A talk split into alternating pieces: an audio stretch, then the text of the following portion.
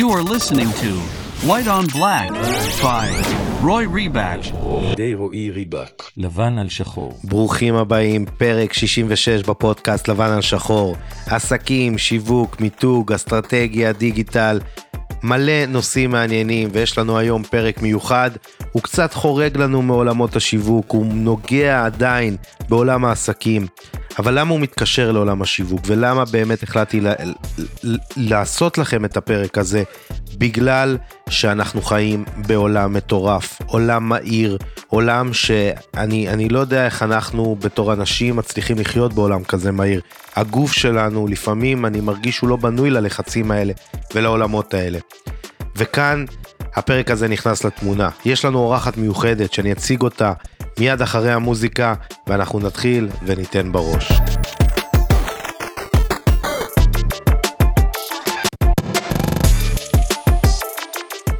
אז הפרק, האורחת שלנו היא דוקטור שירלי הרשקו. שירלי היא מומחית בהפרעות קשב, חוקרת, מרצה באוניברסיטה העברית, מאבחנת מטפלת, מדריכת הורים וסדנאות ארגון זמן. היא כותבת טור בעיתון הארץ ובמאקו, בעלת אתר ופודקאסט וקהילה. היא מחברת את הספר אנשי הקשב והולך להיות פרק מעניין בטירוף. אני חושב שכל מי שקרא את הנושאים מתוך הפרק כבר משתוקק לשמוע מה שיש לשירלי להגיד.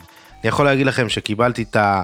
שהזמנתי את שירלי להשתתף בפודקאסט וגם קיבלתי את הנושאים וסגרנו את הנושא ביחד, אני פשוט מתרגש כי הנושא הזה כל כך נוגע לליבי. אז אני רוצה להעביר פשוט את המיקרופון לשירלי ושתהנו מהפרק. צריכים. אני רוצה לשאול אתכם שאלה, האם יצא לכם לקבל משימה, לדחות ולדחות אותה עד שמתקרב הדדליין, ואז להיכנס ללחץ, לעשות הכל בדקה ה-90, אמנם לעמוד ביעד, אבל להרגיש מותשות ותסכול? ומי מכם מרגישים שהם עובדים כל היום, עושים מלא מלא דברים, באמת מאוד עסוקים, אבל בסוף היום מרגישים שלא הגעתם לדברים החשובים באמת שלכם? ואולי חלק מכם מרגישים שהם יודעים בדיוק מה הם צריכים לעשות. זה אפילו כתוב ברשימה ממש ממש יפה. אבל לא מצליחים להניע את עצמכם לעשות את זה. מין תחושה כזו שאין מוטיבציה? אז אם מצאתם את עצמכם מזדהים, אתם לא לבד. אני בדיוק פה בשביל לעזור בכך.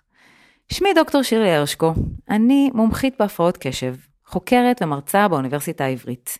אני מאבחנת, מטפלת ומדריכה, וכותבת טור במדור בריאות בעיתון הארץ ובמאקו, וגם יוצרת פודקאסט, מנהלת קהילה בפייסבוק, ומחברת הספר כולם בשם אנשי הקשב. בנוסף, בעשור האחרון אני פיתחתי שיטה לארגון זמן, שאותה חקרתי במסגרת הפוסט-דוקטורט שלי, וגם כתבתי עליה ספר, והעברתי אותה כבר למאות אנשים שרצו לקבל שליטה על החיים שלהם. השיטה הזו היא נקראת רק רגע, משום שהיא לוקחת רק רגע, היא כוללת שלושה שלבים ברורים ומדויקים, והיא גם נותנת עוד רגעים בחיים, ומאפשרת לחיות ברוגע, מה שנקרא להיות ברגע. כי המטרה שלנו בחיים היא לא רק להספיק יותר, אלא גם להיות יותר מאושרים ורגועים ושמחים, ולהגיע למטרות החשובות ולאנשים שיקרים לנו. איך עושים את זה? בקבוצת הפייסבוק שלי, אנשי הקשב, שמונה כרגע כ-20 אלף חברים, תמיד מפתיע אותי לראות איך כל אחד חושב שהוא המקרה האבוד בארגון הזמן. כשלמעשה רובנו לא יודעים לעשות את זה וצריכים ללמוד את זה. זאת לא יכולת שבאה באופן טבעי. זו כן יכולת שהיא קריטית להצלחה, וחשוב מזה, היא גם מפחיתה לחצים. כן, למרות שרוב האנשים שאני מלווה, הם חוששים מכך, הם בסוף מגלים שזה מה שמרגיע אותם. ושאפשר פשוט להתמכר לזה, כי זה מאפשר לנו לשלוט בחיים שלנו, ולא לתת לדברים או לאנשים אחרים לשלוט בהם. ואני בכוונה אומרת שליטה בחיים, כי אין לנו שליטה בזמן. יש לנו רק 24 שעות ו-7 ימים בשבוע. איזה כיף אם הייתה נוספת עוד שעה ביום, אה? אבל זה כנראה לא יקרה, לכן בואו נראה איך אנחנו יכולים לשנות את הדרך שאנחנו מתנהלים בתוך הזמן שיש לנו, כדי להגיע לתחושת סיפוק. אז יש ברשת אלפי טיפים איך לארגן את הזמן. פעם אפילו קראתי כתבה על 29 טיפים לארגון זמן. טוב, האמת לא קראתי את כולה, כי למי יש זמן לקרוא 29 טיפים? ולכן אני רוצה בפרק הזה להפריך חמישה מיתוסים בנוגע לארגון זמן, שיעזרו לכם להבין איך עושים את זה נכון. אז בואו נתחיל. המיתוס הראשון, לא צריך לעמוד בתכנון שלכם. אנחנו לא עבדים של הלוז, ואנחנו לעולם לא נצליח לעמוד בו. הוא זה שעובד בשבילנו. וכך שהוא נותן לנו שליטה בחיים והוא מאפשר לנו לשנות בהתאם. אז אם תכננתי היום ב-10 נגיד לכתוב עבודה, אפשר שזה יהיה היום ב-6 בערב אם נכנס לי בלטה מהעבודה. או אם תכננתי משהו פחות חשוב, אבל צריך לעשות משהו דחוף, אז מזיזים את החשוב לזמן אחר. אוקיי? העניין הוא שאתם לא צריכים לחפש את ה... איך אני עומד בתכנון, יואו, אני לא עומד בתכנון, אז אני לא יודע לארגן את הזמן. לא, אנחנו כן צריכים את הגמישות הזו. הגמישות הזו היא חובה. אז זה היה המיתוס הראשון. המיתוס השני, שאין דבר כזה מוטיבציה. אתם יודעים כמה זמן מוטיבציה מחזיקה מעמד? תחשבו על זה רגע. כמה זמן לדעתכם מוטיבציה מחזיקה מעמד? אז אני אגלה לכם. מחקרי מוח מראים שחמש שניות בלבד. אחרי חמש שניות, המוח שלנו מתחיל להעלות סיבות והסברים למה לא כדאי לי לעשות את הפעולה הזאת. אם למשל, אני מסתכלת על הכיור וחושבת שאני צריכה לקום ולשטוף את הכלים, אם אני לא אזוז מהספה תוך חמש שניות, אז המוח שלי יתחיל כבר להסביר לי למה אני עייפה, ועבדתי קשה, והבן זוג שלי בכלל צריך לעשות את זה.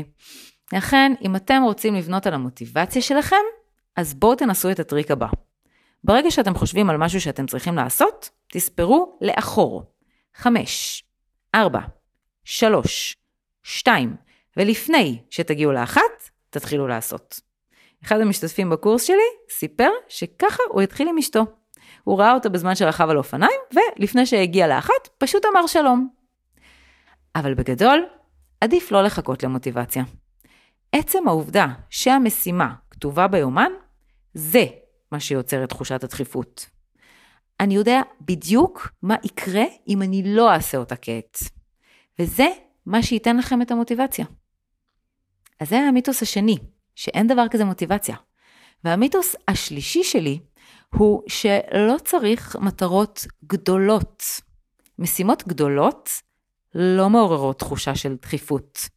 תחושת המוטיבציה היא נוצרת במוח באמצעות הורמון שנקרא דופמין. כדי לגרות את הדופמין הזה, פשוט צריך לעשות צעדים קטנים לעבר המטרה. ברגע, למשל, שהרמתי כוס, עשיתי משהו, הופרש לי דופמין, זה מסייע לי להמשיך את הפעולה. כנ"ל לגבי פתיחת קובץ, או שורה ראשונה שכותבים במייל, או בספר. ולכן אני ממליצה לחלק כל מטרה גדולה למשימות קטנות, ברמה של שעה, שעתיים למשימה. ואם אתם לא מצליחים לעשות את הפעולה הקטנה הזו, אז קודם כל זה הגיוני. צריך להבין ששליש מהמטלות ביום הן לא נעימות. רק עצם ההבנה הזאת יכולה לעזור.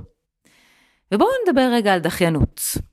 אם יש משימה שאתם דוחים בשיטתיות, אז קודם כל תנסו לשאול את עצמכם, למה? למה אני דוחה את המשימה הזאת? ובסוף אתם תגיעו לתשובה שתעזור לכם. אולי אתם צריכים עזרה במשימה הזו, אולי היא לא חשובה לכם בכלל, אולי היא לא ממוקמת נכון ביום שלכם. ממש תשאלו את עצמכם, תוך חמש פעמים שאתם שואלים את עצמכם למה ונותנים תשובה, אתם תראו שבסוף תגיעו לאיזושהי תשובה שתעזור לכם להבין למה אתם דוחים ולעשות איזשהו שינוי שיגרום למשימה הזו לקרות. אם החלטתם שאתם רוצים לעשות את המשימה, אז אני ממליצה למקם אותה בבוקר. כי משימה שמבצעים בבוקר, היא לוקחת פחות זמן, זה ממש נמצא ככה. לאחר מכן אנחנו לרוב פחות מרוכזים. ונמצא שהזמן הכי טוב לרוב האנשים הוא בין השעות 9 עד 12 בבוקר. אז תנסו את זה. עוד דבר שאפשר לעשות, זה לעצום את העיניים ולדמיין את עצמכם, מבצעים ומסיימים את המטלה. מחקרים ממש מראים שכשאנחנו מדמיינים משהו, זה מפעיל אזורי מוח דומים למצב שבו אנחנו ממש עושים את הדבר הזה, וזה מעודד אותי להתחיל לעשות, ממש מבחינה מוחית. בנוסף, אני ממליצה לכם לשים זמן קבוע לפעולות שהן מעיקות עליכם. למשל, בכל יום חמישי בחמש, אני עושה את המטלות המעיקות שלי. כמו למשל לסדר חומרי לימוד, או לשלוח קבלות לרואי חשבון, כל דבר שהוא מעיק עליי.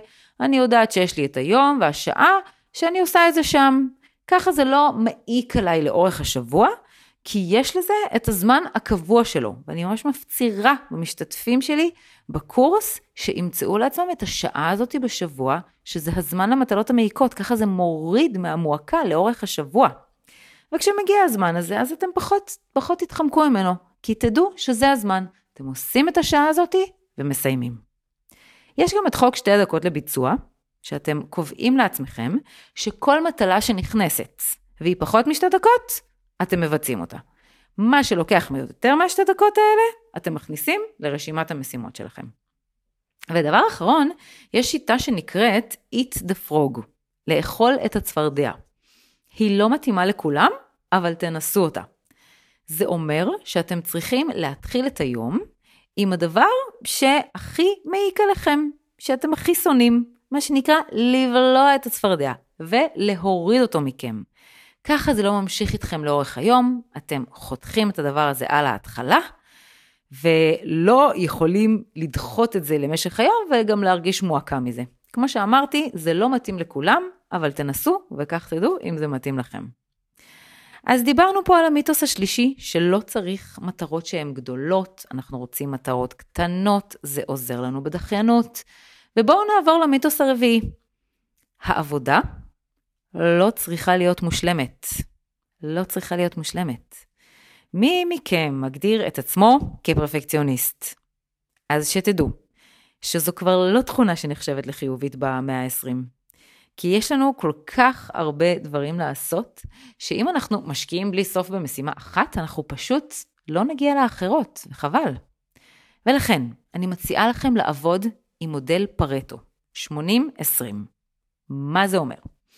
המודל הזה אומר ש-20% מהזמן או המאמץ שלכם יביאו ל-80% מהעבודה שאתם צריכים לעשות. ככה אפשר להתקדם מהר. הבעיה היא ש-80% מהזמן או המאמץ שלכם יביאו ל-20% הנוספים הדרושים כדי להגיע ל-100% עבודה. כלומר, עבודה מושלמת. אז תשאלו את עצמכם, האם שווה לכם להשקיע עוד כל כך הרבה, עוד 80 אחוז, בשביל להגיע למושלמות הזו, בשביל להגיע למאה, או שעדיף לסיים את העבודה ולהתקדם הלאה לעוד דברים. שתדעו שאפשר לעבוד על פרפקציוניזם.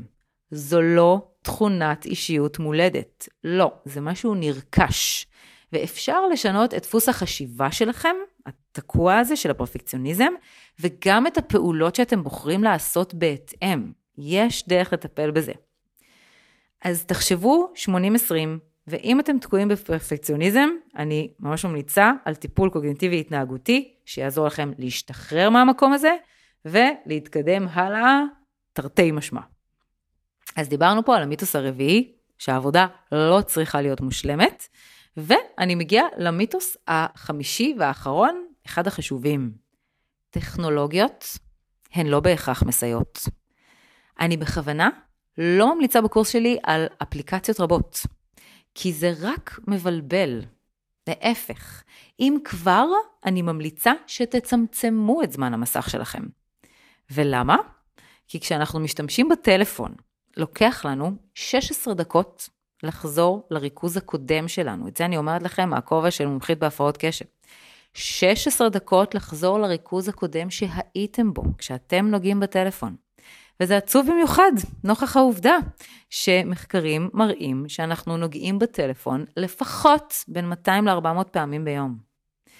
ובכל פעם שהטלפון שלנו מצפצף, מופרש לנו הורמון הקורטיזול בדם, שזה הורמון הלחץ.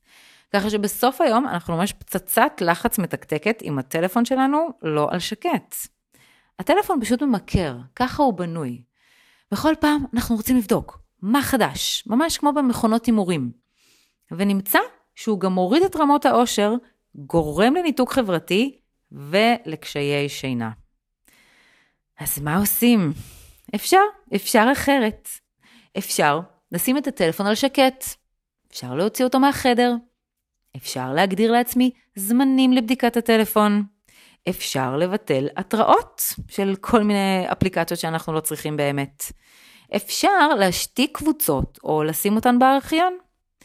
אפשר גם לנקות את המסך מכל מיני אייקונים מפתים כאלו, ללחוץ עליהם, כמו האייקון של פייסבוק. ואפשר להשתמש באפליקציות שחוסמות או מנתקות אתרים. אני יכולה להמליץ לכם על אפליקציות שחוסמות אתרים מסוימים שאנחנו מגדירים. למשל, אל תיתנו לי להיכנס לפייסבוק בשעתיים הקרובות. אז יש לנו שם את Cold Turkey, את אנטי סושיאל ואת נני. אלו אפליקציות שחוסמות אותי מאתרים מסוימים לזמנים מסוימים. אבל יש לנו גם את האפליקציות שמנתקות לגמרי מהמכשיר. זאת אומרת, אל תיתנו לי בכלל לגעת בטלפון שלי. ואלה דיגיטל דטוקס, פרידום ופורסט.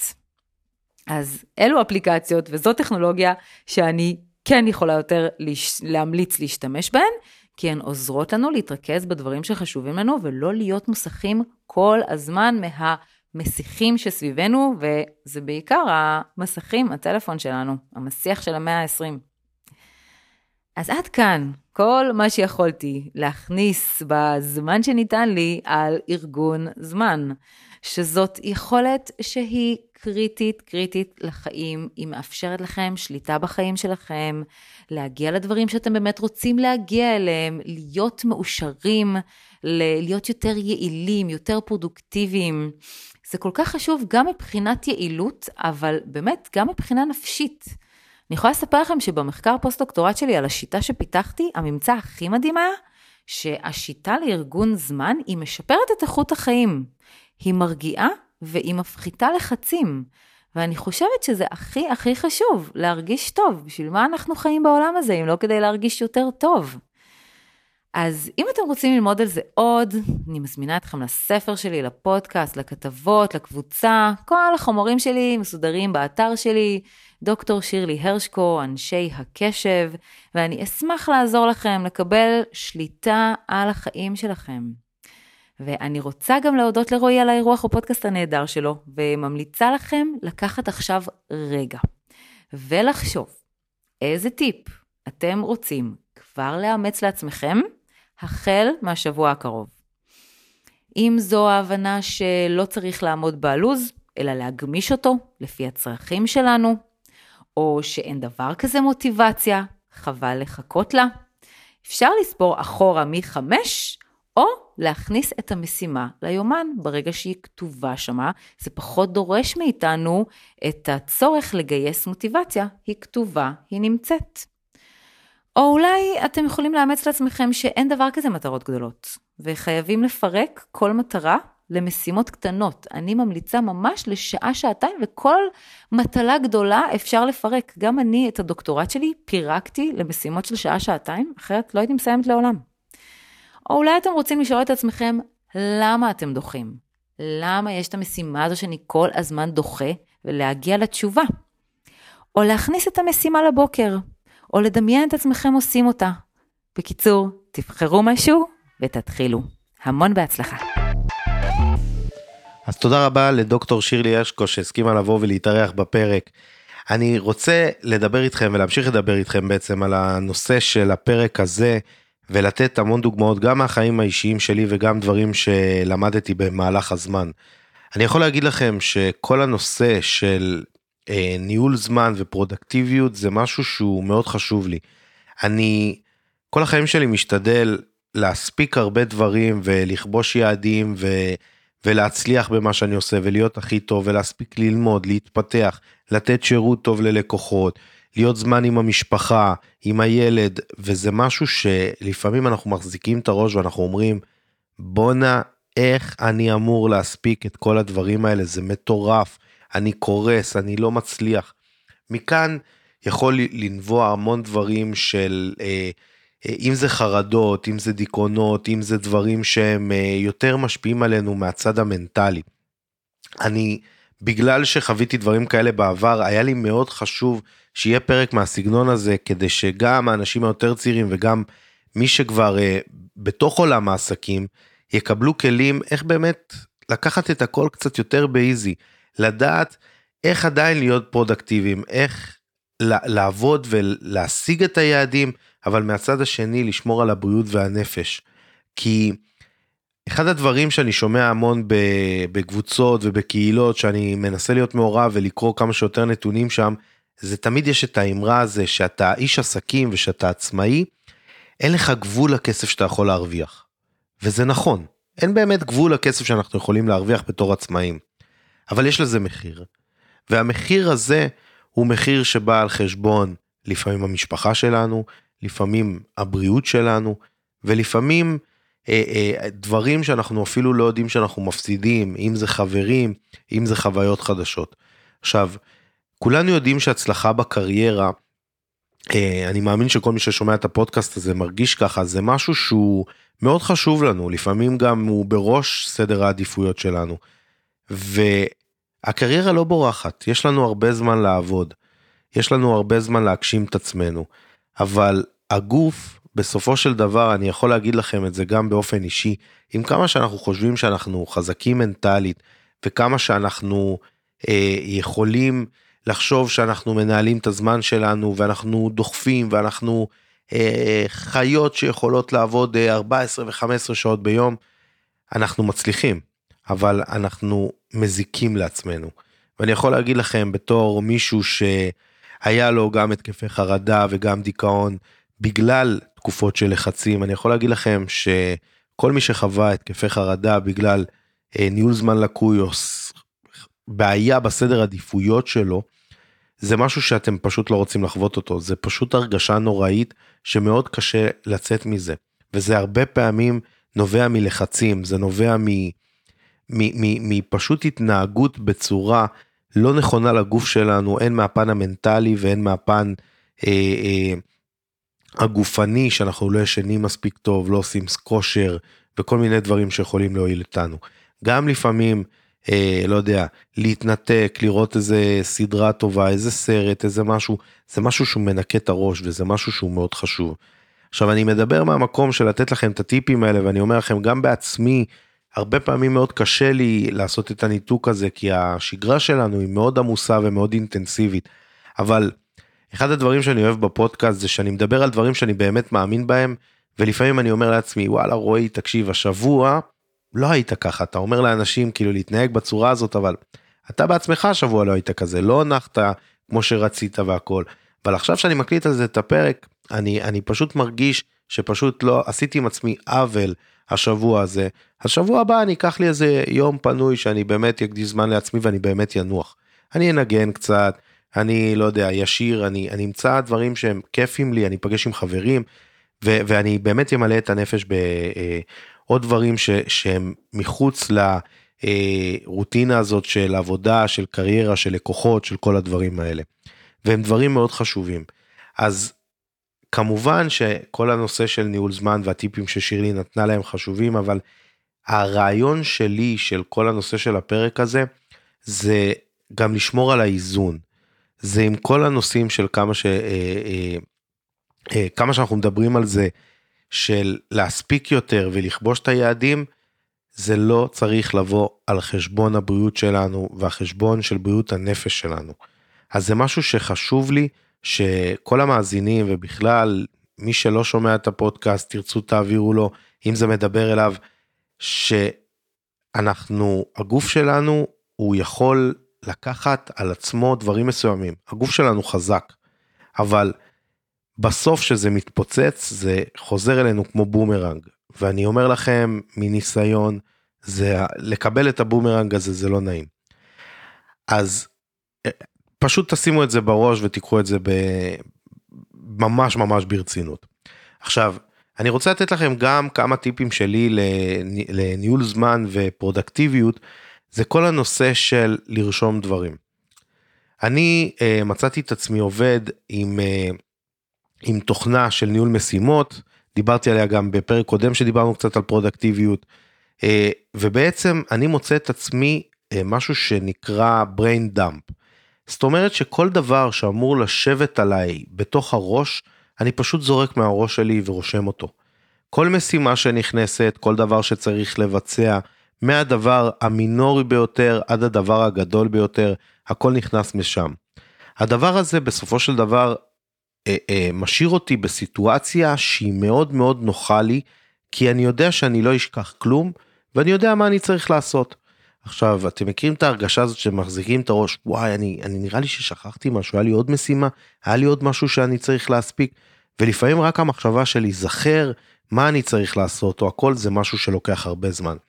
אז קודם כל אני אומר, בשביל להוריד את הלחץ שאנחנו מפספסים משהו, או לא עושים משהו על הצד הטוב ביותר, או כל דבר כזה או אחר, קודם כל תיקחו את כל מה שיושב לכם בראש, ופשוט אה, אה, תוציאו אותו מהראש. תשימו אותו על, בתוכנה לניהול משימות, תשימו אותו אה, אה, ב, ב, במחברת, בדף ועט, זה לא משנה הכלי.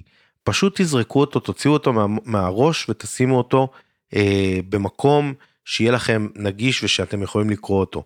לאחר מכן, שאתם יושבים ואתם מנהלים את הזמן שלכם, מנהלים את היומן שלכם, פשוט אה, אה, תיכנסו לאותו דף, תתעדפו את המשימות לפי מה שחשוב יותר ופשוט תהיו מרוכזים ותשבו על הכל בצורה מאוד uh, ממוקדת שמכוונת כדי להספיק את הדברים.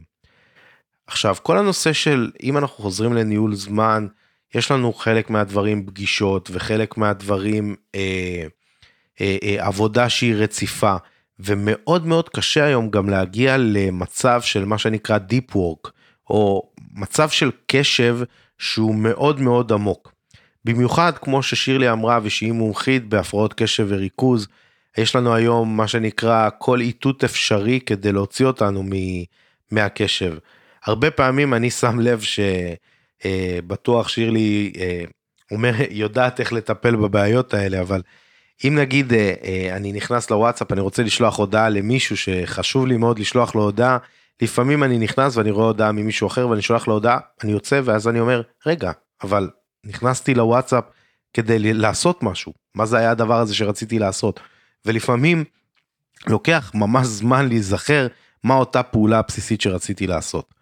לכן אני אומר שאנחנו רושמים את הדברים, אנחנו אומרים, אה אוקיי, נכנסתי כדי לשלוח הודעה של ככה וככה. וזה משהו שבאמת מביא אותנו למצב כזה של state of mind של אתה יכול להיות רגוע, הכל רשום, הכל יתבצע. ואם נגיד אני סיימתי לעבוד היום ויש לי כמה דברים לעשות, אני יכול לשלוח, אוקיי, הדבר הזה יבוצע מחר, זה יבוצע עוד יומיים. ומה שנקרא לעשות תיאום ציפיות או אה, גביית אה, אה, זמנים חדשה ועם אה, אה, הלקוחות או מי שצריך לעשות איתם את הדברים. וככה אנחנו מוצאים את עצמנו גם שהכל נמצא בשליטה, גם במצב של אה, אה, נקרא לזה אה, אה, לא יודע, שליטה אמרתי, אבל יותר במצב של תיאום ציפיות. ואנשים לא, לא מאוכזבים ממנו, אומרים וואלה, הוא זוכר, והוא אמר לי שזה יקרה מחר כי הוא לא הספיק היום, זה בסדר. או שפשוט שווה לדעת ולארגן את הדברים ולהגיד, אוקיי, אז אני לא מספיק את זה היום, אני אעשה את זה מחר. אני אמרתי שזה יהיה היום, אם אני אודיע מראש, יומיים לפני שזה יתעכב בעוד יום, אף אחד לא יהרוג אותי, הכל בסדר.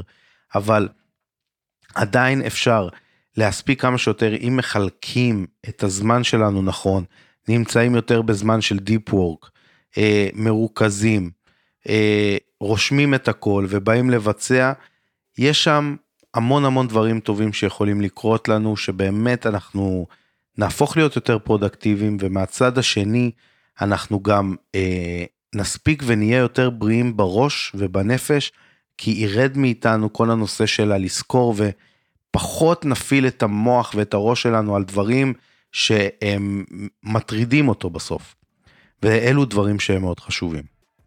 אז אני רוצה קודם כל להגיד תודה שוב לדוקטור שירלי שהסכימה להתארח בפודקאסט. אני רוצה להודות לכם שאתם אה, מאזינים כל שבוע מחדש.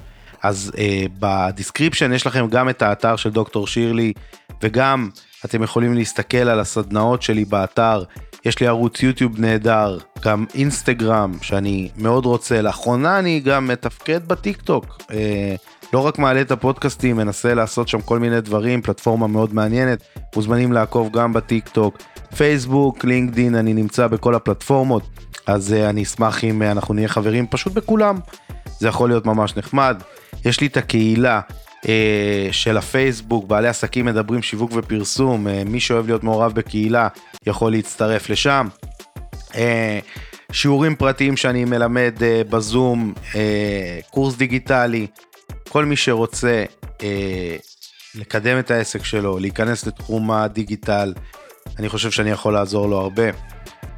אז תודה לכם שאתם מאזינים כל שבוע מחדש שוב, אנחנו נתראה בפרקים הבאים עם עוד אורחים מעניינים, עם עוד נושאים מעניינים, ושיהיה לכולם אחלה של המשך יום, או אחלה לילה, לא משנה מתי אתם שומעים את זה. אז יאללה, ביי.